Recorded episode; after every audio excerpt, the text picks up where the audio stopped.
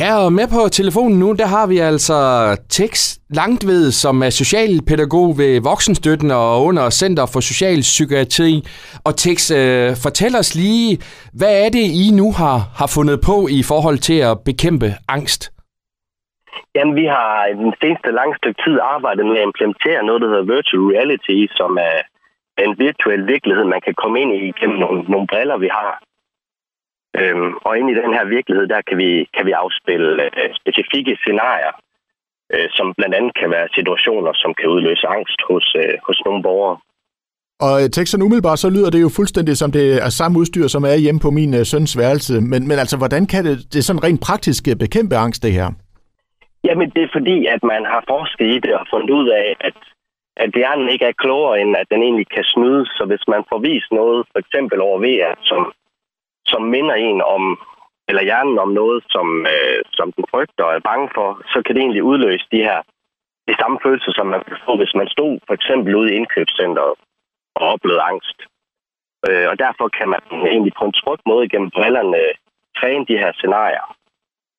Ja, og, og hvad er det for nogle øh, eksempler og, og små videoer, som, som, som I gerne vil, vil vise i det her?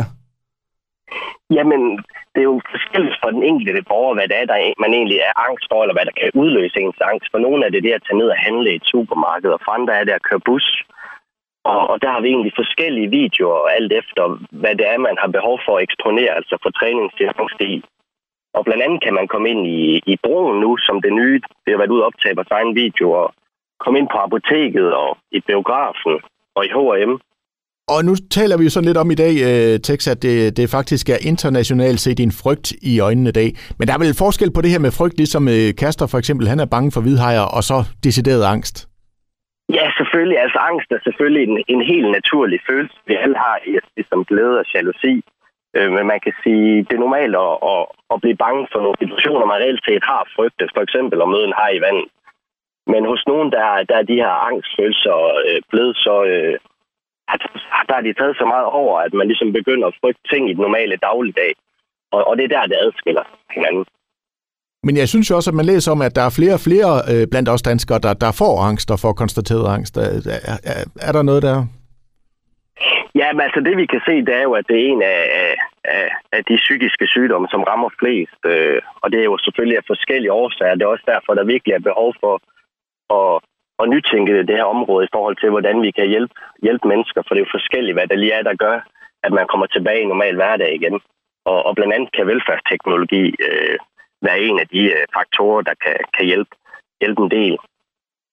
Og hvis man nu sidder derude som lytter og tænker, jamen, jeg, jeg har virkelig problemer med det her med angst og sådan noget, altså hvad, hvad kan folk så gøre nu aktivt for måske at kan, kan prøve øh, den, den her form? Jamen det, man kan gøre, hvis man ikke i, allerede i forvejen er tilknyttet Center for Social Psykiatri, det er, at man kan, kan henvende sig ned i Østergade 81 i noget, der hedder kontakten og, og opsøge søge støtte derigennem. Øhm, og der, den kan man kontakte fra mandag til fredag i forhold til at få en snak om, om et eventuelt øh, støtteforløb hos os. Og øh, tekst bare her til sidst, altså hvilke resultater regner du med, at øh, I kommer til at se af det her? Jamen jeg håber, at vi får en masse gode historier i forhold til at have hjulpet nogle mennesker øh, tilbage i, øh, i, en, en, øh, en bedre hverdag for dem. Det er jo, det er jo individuelt, hvad, hvad den enkelte søger efter. Men man skal selvfølgelig understrege, at virtual reality ikke i sig selv kan hjælpe øh, borgerne. Man kan sige, at det er et redskab, vi kan bruge, så de på sigt kan komme ud og træne de her situationer i virkeligheden. Men i, i, i VR-universet kan vi ligesom starte ud på en lidt blidere måde, hvor man jo til hver en tid kan tage ballen af, og så sidder man i et trygt miljø og kan tale med sin kontaktperson om, hvad det var, der triggede en. Og det er der, jeg håber, det kan hjælpe måske de her borgere, som endnu ikke er parate til at gå ud i det rigtige supermarked, som måske i lang tid har fået hjælp til at få leveret varer hjem til sig, eller ikke får besøgt familien særlig ofte, fordi de ikke, ikke har lyst til at tage bussen, og, øh, og det er for dyrt at tage taxaen.